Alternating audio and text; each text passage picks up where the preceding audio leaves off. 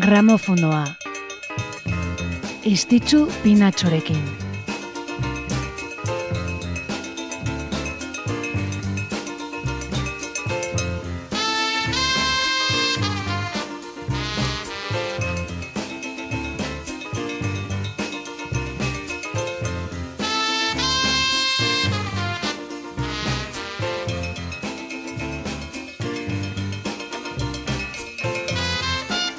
Gabon, Gabon eta ongi etorri gramofonora, zer mundu zaudete? Gramofonoan gaude bai, musika efemeriden saioan. Eta asteazkenero egiten dugun bezala, ekainaren amalaugarren honek utzitako gertakariak errepasatzera etorri gara. Amarterdiak bitartean, ordu erditsu bat ez beraz, hemen izanen gara zuekin. Kontu hoietaz guzietaz, solas egin eta kantu bikainen konpainian. Erran bezala ba, gaur ekainak amalau eta ikus dezagun nora eramanen gatun lendabiziko kantu honek.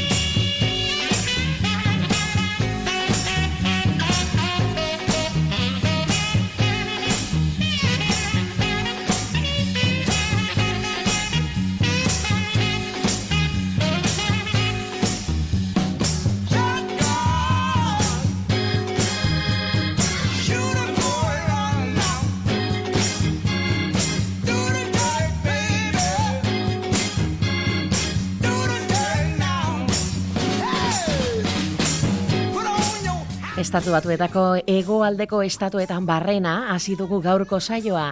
Mila bederatzeren da hogeita mekako ekainaren amalauan Junior Walker jaio zelako Arkansasen. Saxofo jotzaile bizia eta soul abeslaria bera. Irurogeita bortzean hasi zena grabatzen Junior Walker and the All Stars izenarekin. Motown zigilu ospetsuaren zat. Eta disketxaren estilari eutxi zion zutabetako bat izan zen gainera. Bertako bertze artista batzuk interpretatutako kantuen bertsio potenteak grabatuz. Shotgun hau izan zen bere estreinako abestia. Junior Walker, ez imertzekoa, irurogeiko amarkadako soula ulertzeko.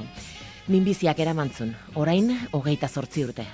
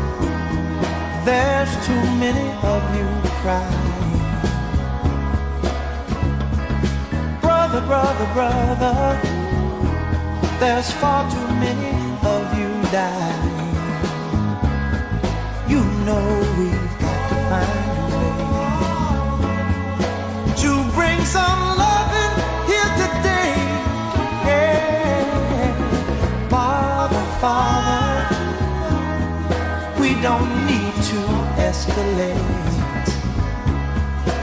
You see, war is not the answer. Eta urte batzuk beranduxiago jaio zen jarraian aurkeztuko dizuedan musikaria Motown zigilutik mugitu gabe, disketxearen soinua markatu zuen bertze talde bateko sortzaile eta beslarietako bat izan zena. Renaldo Obi Benson bere izena, Four Tops taldeko abeslaria. Rhythm and Blues generoan funtsezko izan ziren hoietakoak. Detroiten jaio zen Renaldo Obi Benson gaurko egunez mila bederatzeren da hogeita maseian. Fort Ops taldeko abeslaretako bat izan zen bai bortza markadetan zehar. Ez da gutxi gero. Mino Marvin Geirekin batera What's Going On famatu hau idatzi izana ere azpimarratzekoa da Renaldo Obi Bensonen biografian.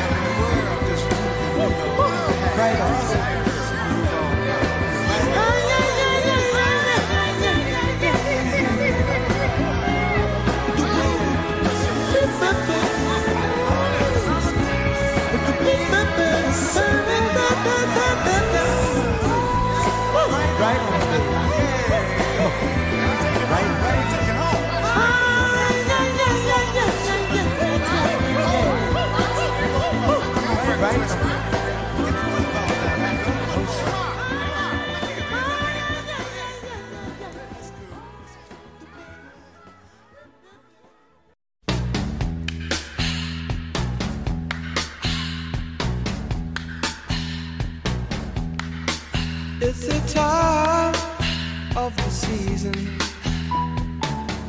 when love runs high. In this time, give it to me easy and let me try with pleasured hands to take you in the sun to promised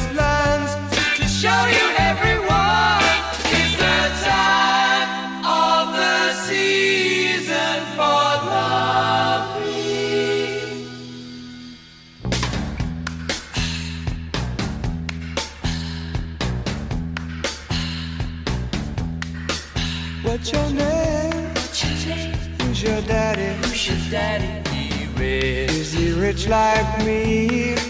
Has he take us anytime? Anytime to show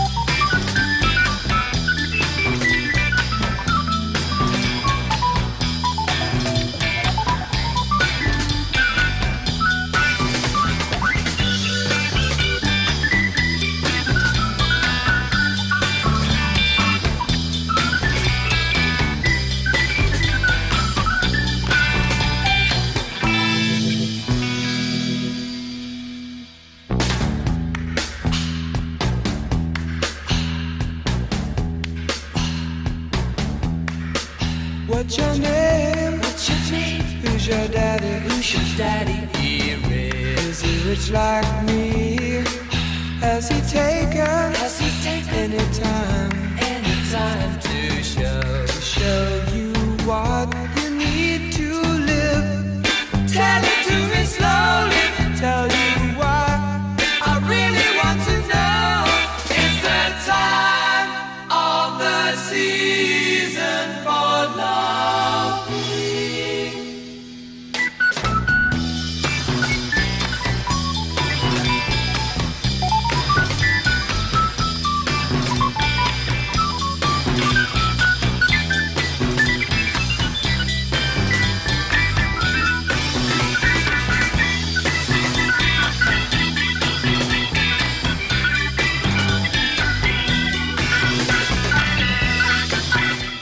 Urte goiti batzuk egin dugu aintzinera, bertze urte urren bat ospatzeko.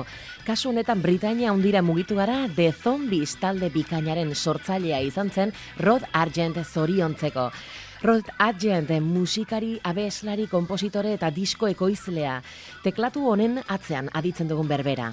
Berrogeita mar urte baino gehiagoko ibilbidean, The Zombies rock talde Britainiarraren teklatu jotzaile, sortzaile eta lider gisa egindako lanarengatik goraipatua izan zena.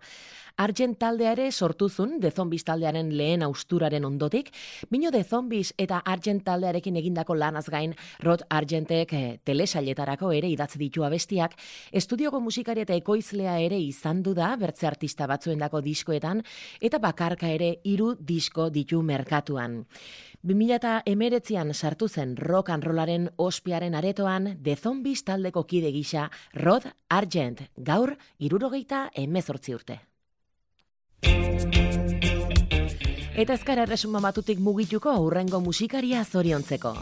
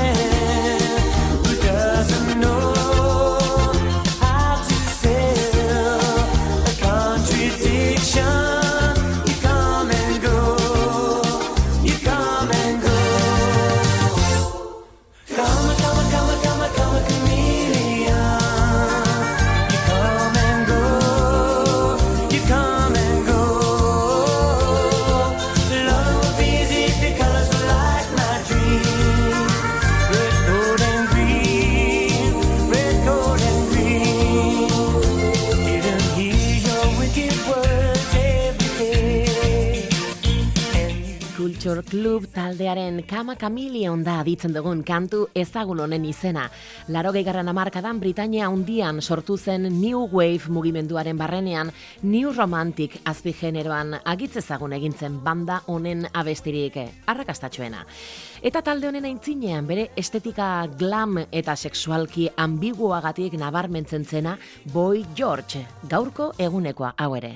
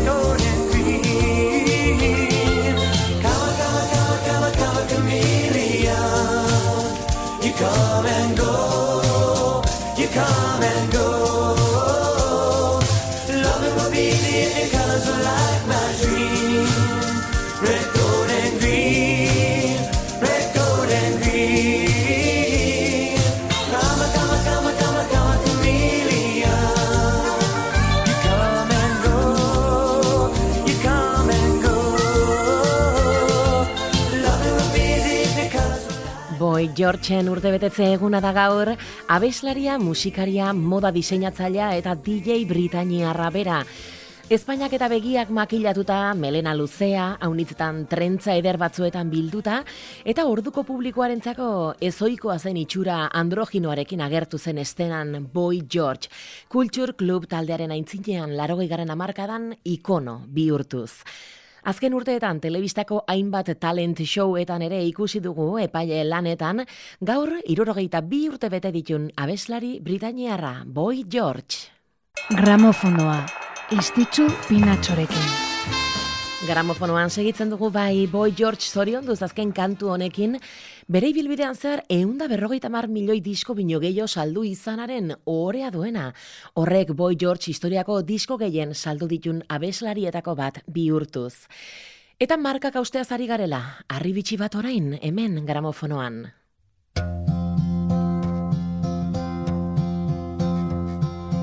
yesterday. All my troubles seem so far away.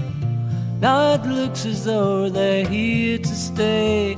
Oh, I believe in yesterday. Suddenly, I'm not half the man I used to be. There's a shadow hanging over me. Oh, yesterday suddenly. Why she had to go, I don't know. She wouldn't say. I said something wrong. Now I long for yesterday. Yesterday. Love was such an easy game to play. I need a place to hide away. Oh, I believe in yesterday. Why she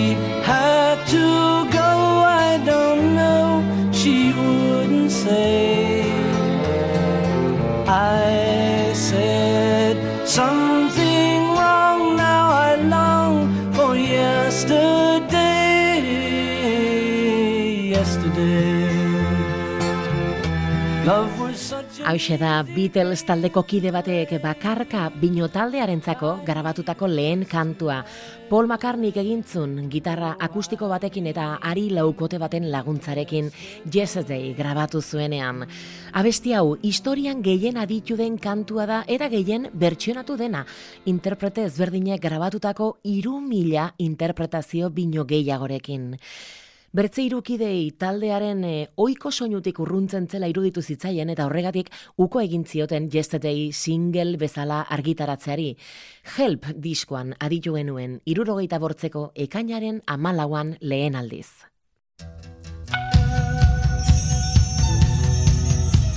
Berrogeita emezortzi urte beraz Yesterday kantuak erran bezala Paul McCartneyk The Beatles taldearentzako grabatutakoak.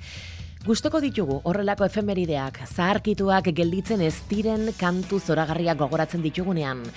Gutxiago gustatzen zaigu aldiz, egun gure artean ez dauden musikariak ekartzen ditugunean gramofonora, batez ere agitz goiz zendu zirenetakoak badire.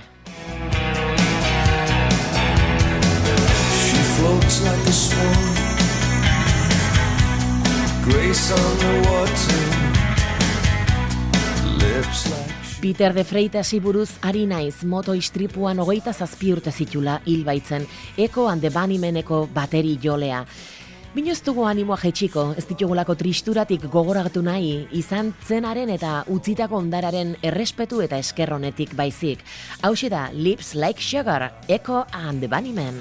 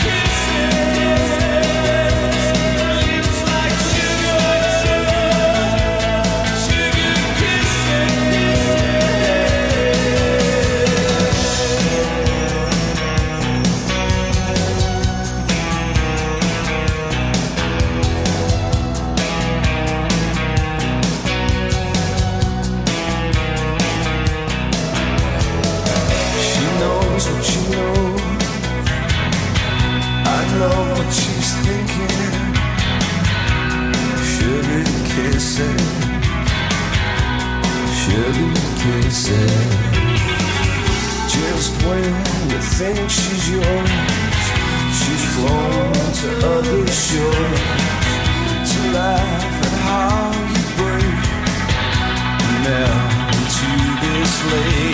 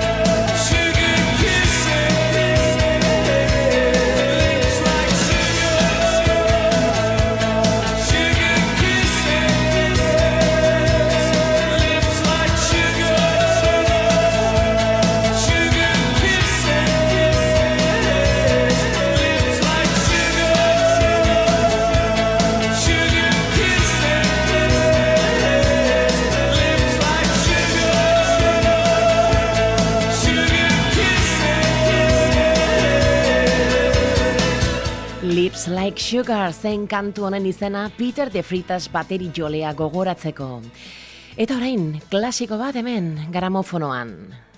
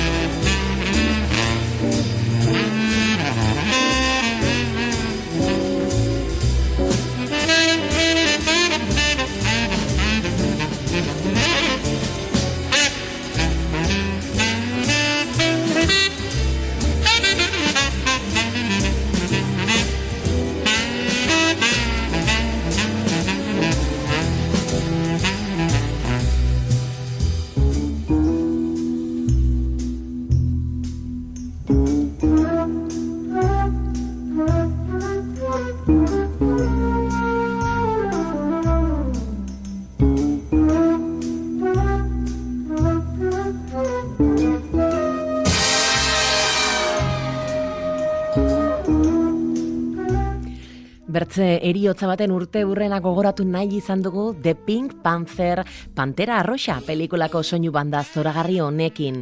Izan ere gaurko egunez mila bederatzerun da larogeita malauan zendu zen Henry Mancini fikziozko pertsonaia mitiko honen abenturei musika jarri ziena.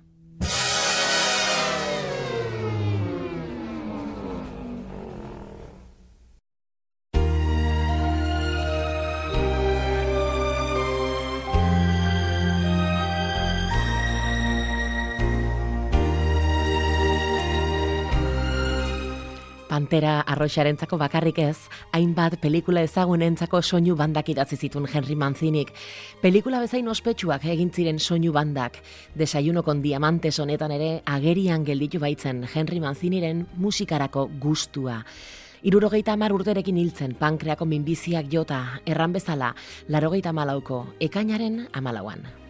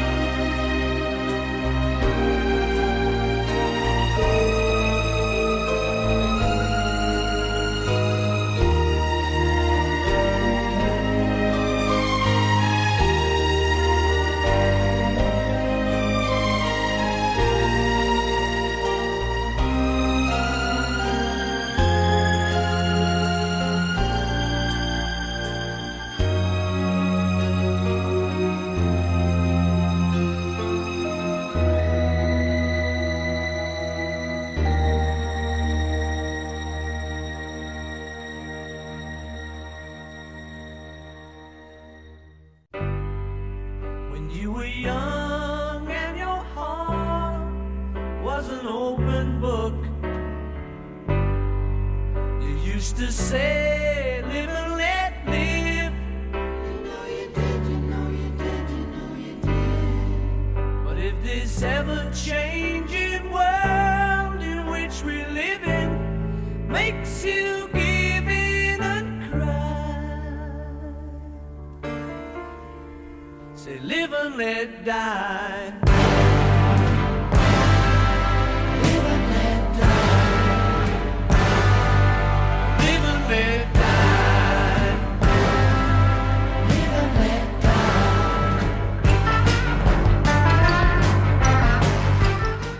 Eta lehen Paul McCartneyren inguruan aritu gara, eta orain ez, ere ezkara sobera urrun joanen.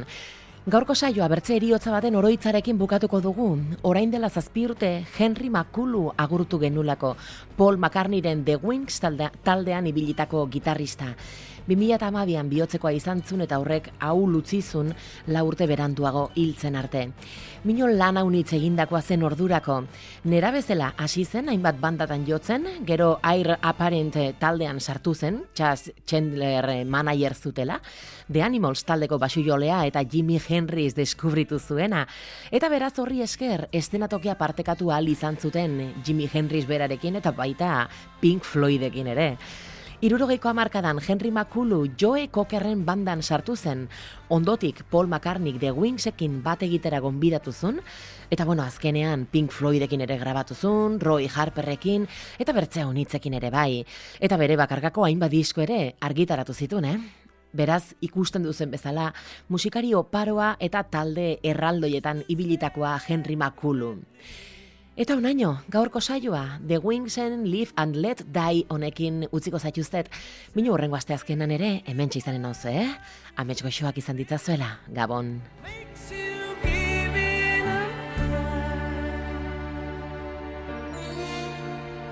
live and let die.